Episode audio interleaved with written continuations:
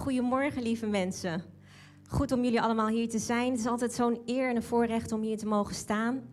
En ik vind het zo gaaf dat uh, dit getuigenisfilmpje juist vandaag ook wordt. Uh, dat ze dat laten zien vandaag. Omdat dat is ook het onderwerp wat ik graag met jullie wil gaan uitrollen vandaag. Is, en dat is jouw reis met God. En alle fases die je doorloopt in die reis. En hoe je steeds meer geestelijk gaat groeien in die reis. En wat ik met geestelijke groei bedoel is, is dat je steeds meer en meer van God gaat houden. Dat je steeds meer en meer gaat houden van de dingen waar Hij van houdt. En dat je als het ware één wordt met God de Vader. En dat jouw wil op een gegeven moment zo in lijn is met Gods wil. En dat is geestelijke groei, lieve mensen.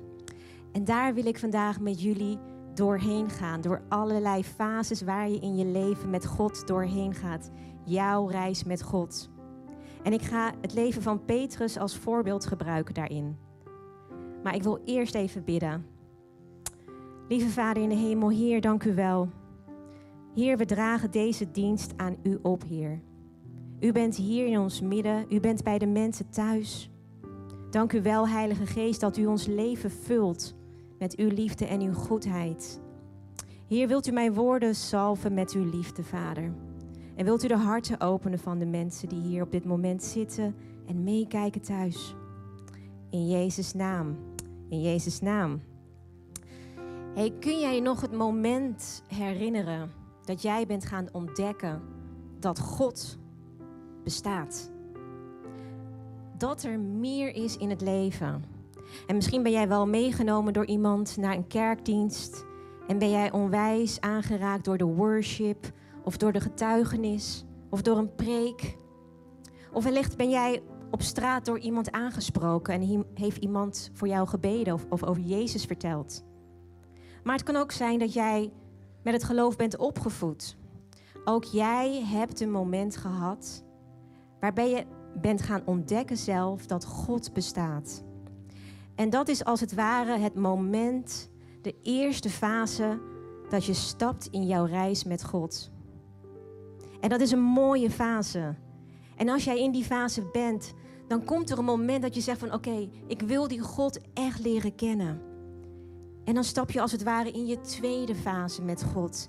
Je wil God leren kennen.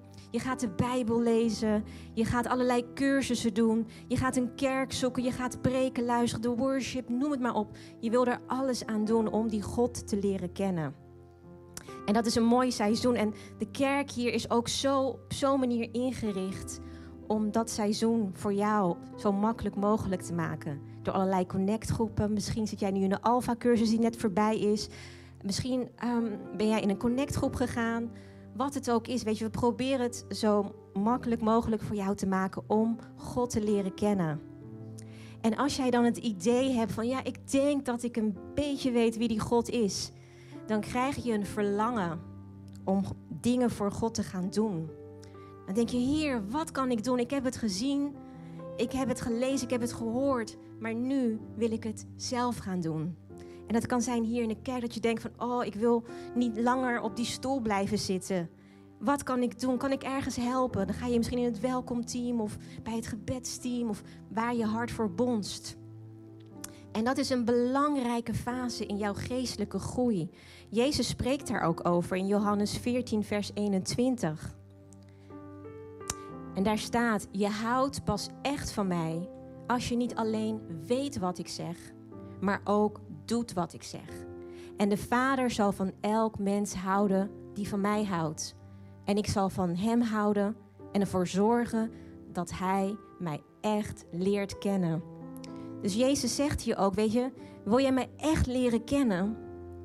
Dan is het tijd dat je dingen gaat doen, dat je gaat ontdekken wat het dan betekent om te wandelen zoals ik wandel. En dat is een mooi seizoen. En je ziet vaak dat mensen hier groeien in dit seizoen. En ze groeien tot, vaak ook wel tot leiderschap of in andere posities. Maar als je niet oppast, dan kan je in zo'n fase komen dat je denkt dat je er bent. Dat je denkt van yes, weet je, kijk naar mijn leven. Weet je, God heeft zoveel vruchten door mij heen uh, gebracht naar de mensen. Ik doe mooie dingen, ik preek, ik zit in het worship team. Kijk eens, mijn connectgroep groeit. Weet je, dat je denkt van yes, ik ben er, ik ben er. En als je zelfs denkt van Heer, ik heb mijn leven voor u over. Maar is dat zo? Is dat zo? En ik maak nu even een sprong naar het leven van Petrus. Weet je, Petrus, het moment dat Jezus hem roept. We kennen het verhaal, we hebben met Pasen doorgenomen. Dat Jezus hem roept daar bij het, bij het vissen. Dat hij zegt, Petrus, volg mij. En dat Petrus ervoor kiest om Jezus te volgen. En hij stapt in zijn tweede fase. En dat is gaan ontdekken. Zijn discipelschapfase. Wie is die Jezus? Hij wandelt met Jezus. Hij doet leven met hem. Hij leert van hem. Hij kijkt hoe hij de dingen doet. En het is een mooi seizoen in zijn leven. En dan komt er een moment dat Jezus tegen hem zegt van... Oké jongens, jullie hebben het allemaal gezien hoe ik het heb gedaan. Nu is het tijd dat jullie dit gaan doen. En hij stuurt ze uit twee aan twee. En dat lezen we in Lucas 9, vers 6. Ze gaan van dorp tot dorp en ze vertellen over het goede nieuws aan de mensen en genezen de zieken.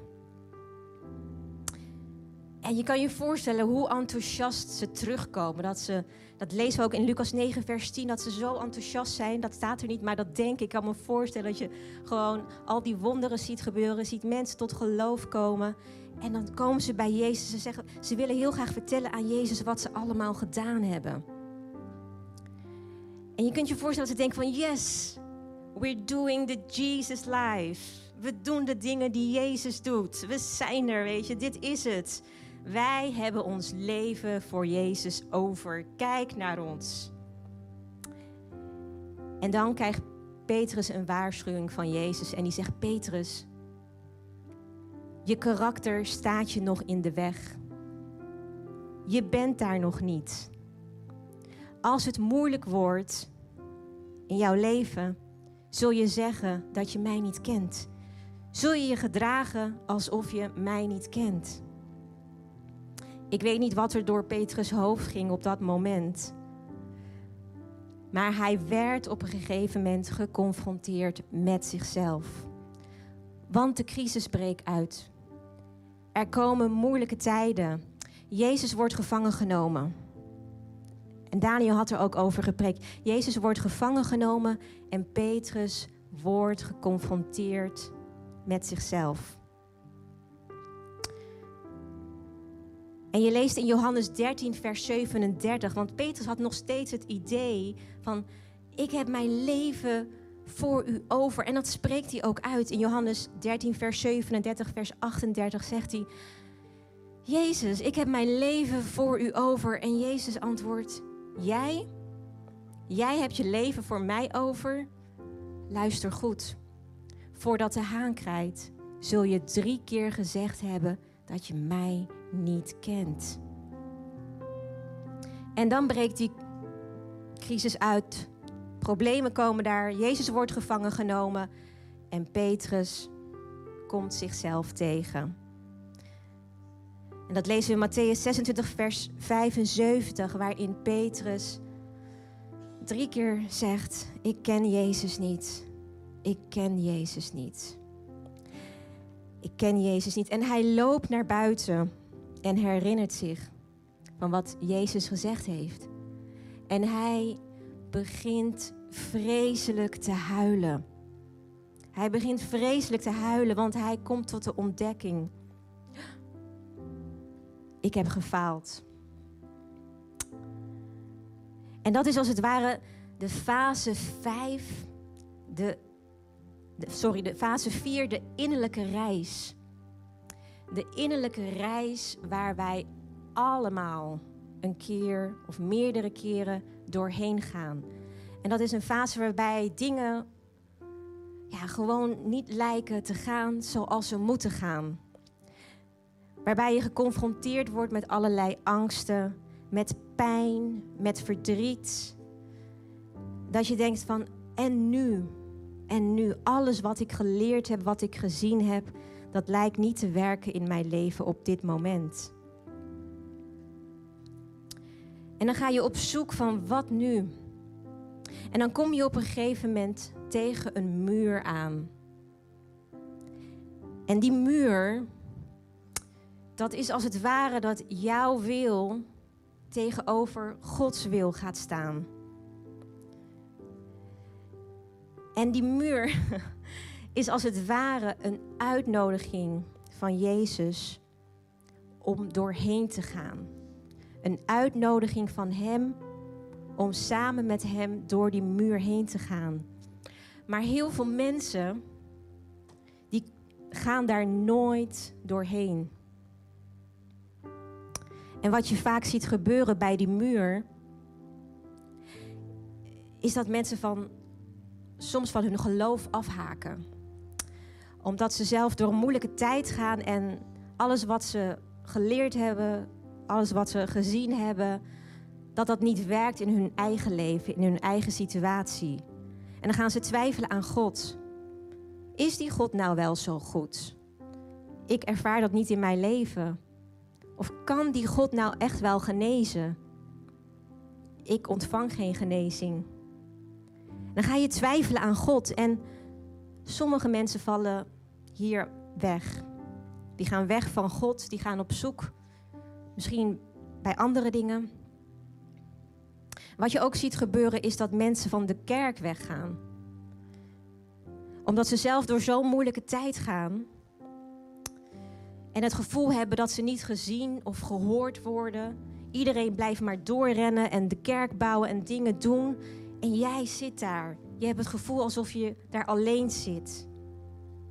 En je denkt van nou, deze community van mensen, deze kerk waar God mij geplaatst heeft, dit is niet de plek voor mij, want ik ga nu door een moeilijke tijd heen en niemand ziet mij staan.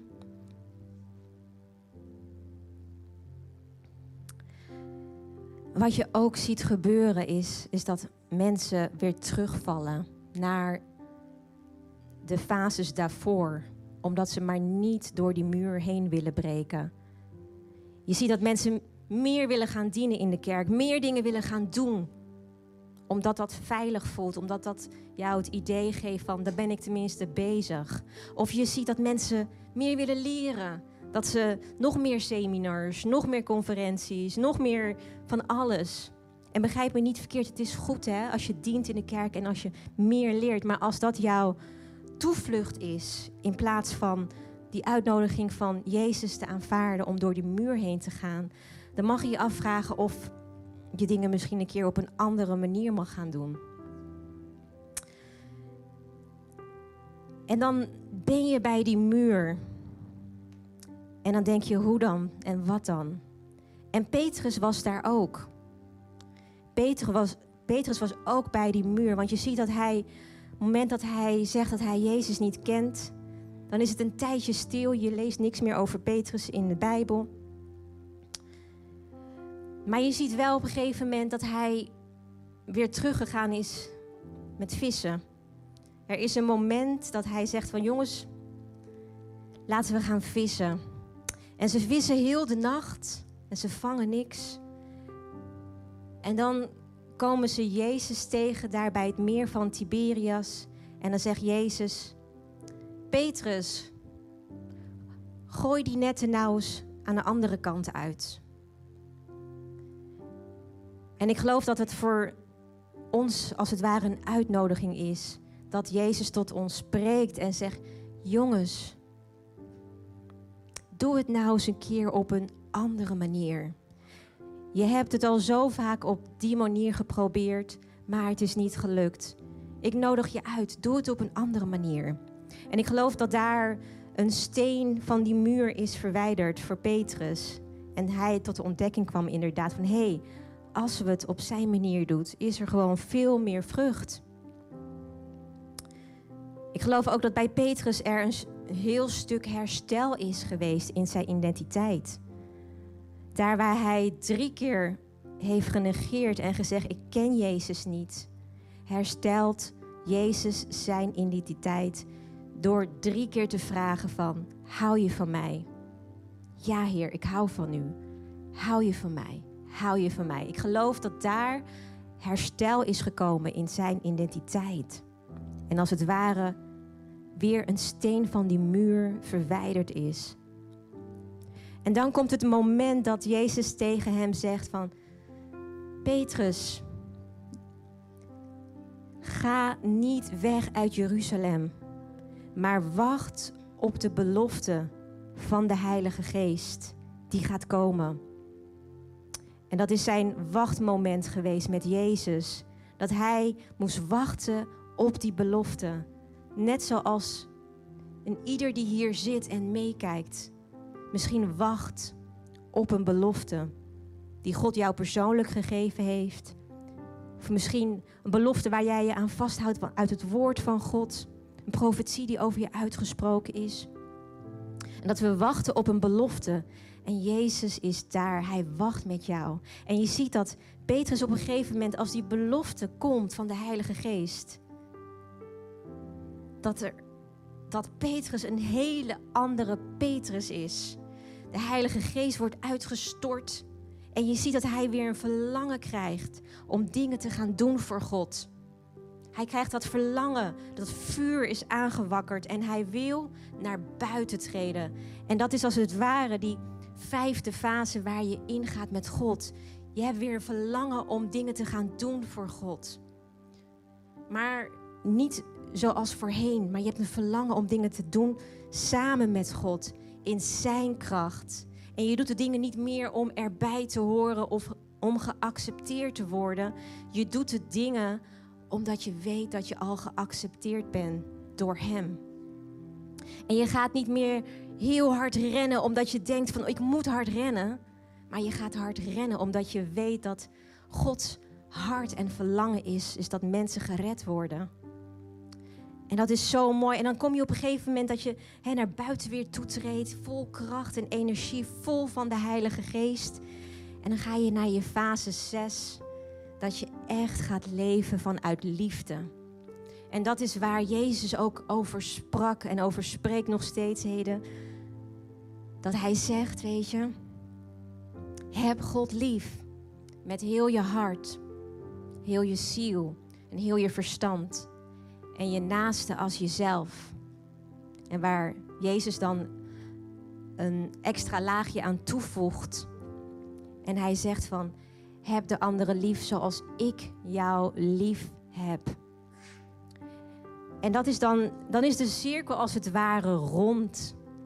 En ehm, ik ben daar nog niet. Ik ben daar nog niet. Ik kan daar eerlijk over zijn. Ik, ik ben nog niet in die fase dat ik volledig uit die liefde leef zoals Jezus ons roept om te leven.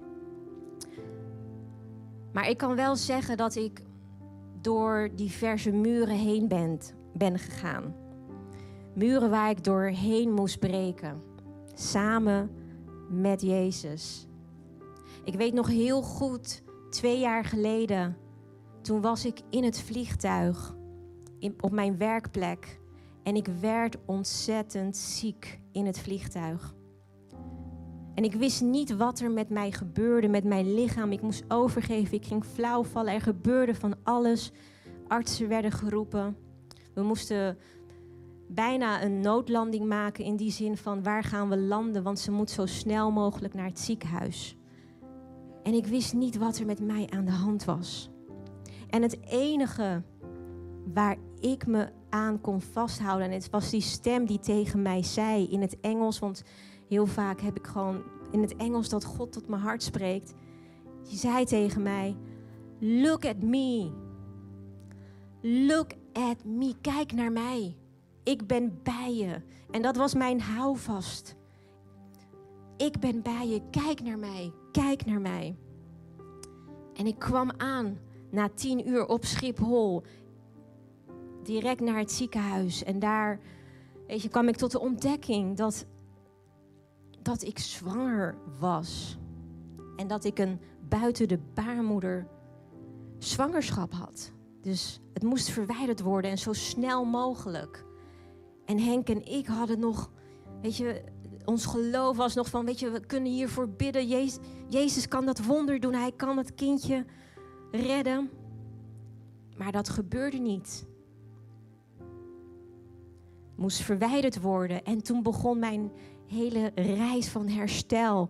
En het enige wat ik hoorde en waar ik me aan kon vasthouden is: kijk naar mij. Kijk naar mij. Ik ben met je. Ik ben met je. En dat herstel, dat duurde heel lang voor mij. Het heeft al een half jaar geduurd dat ik als het ware in die innerlijke reis, dat ik daar was.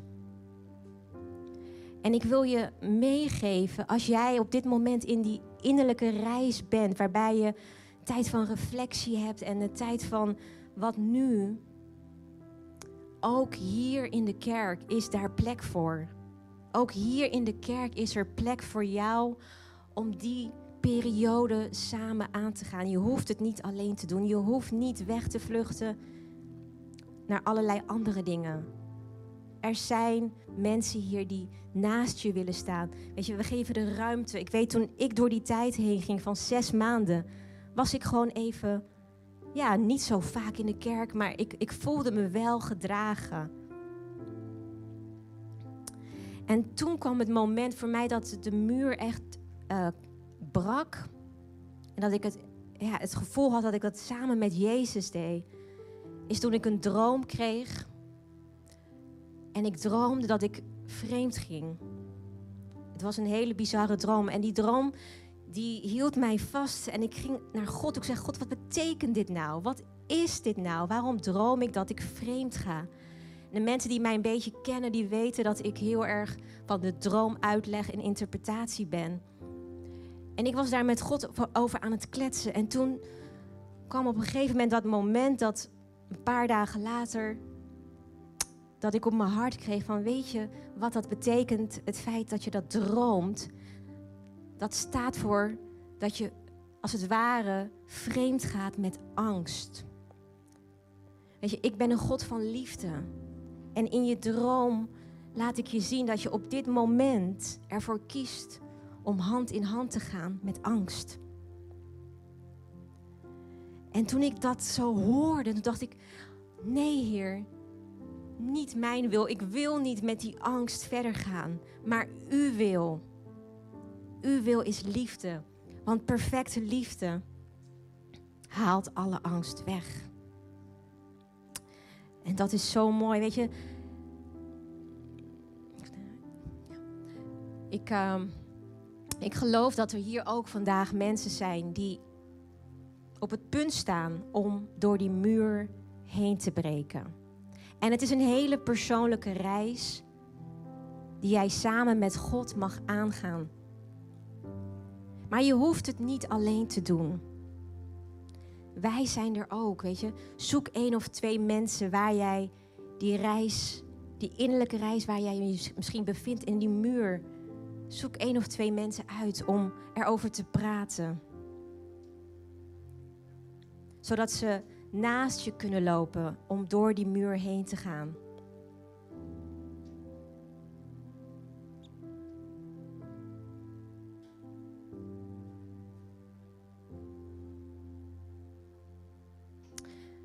Weet je, Jezus, die koos zijn discipelen uit om bij Hem te horen.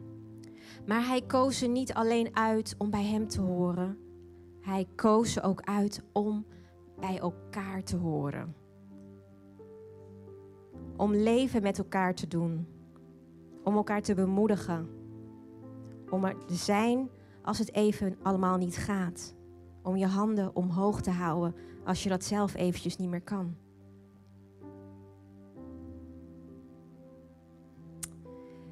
Ik hoop dat ik je hiermee bemoedigd heb. En uh, ik uh, ga het overdragen aan uh, de worship team. Yes.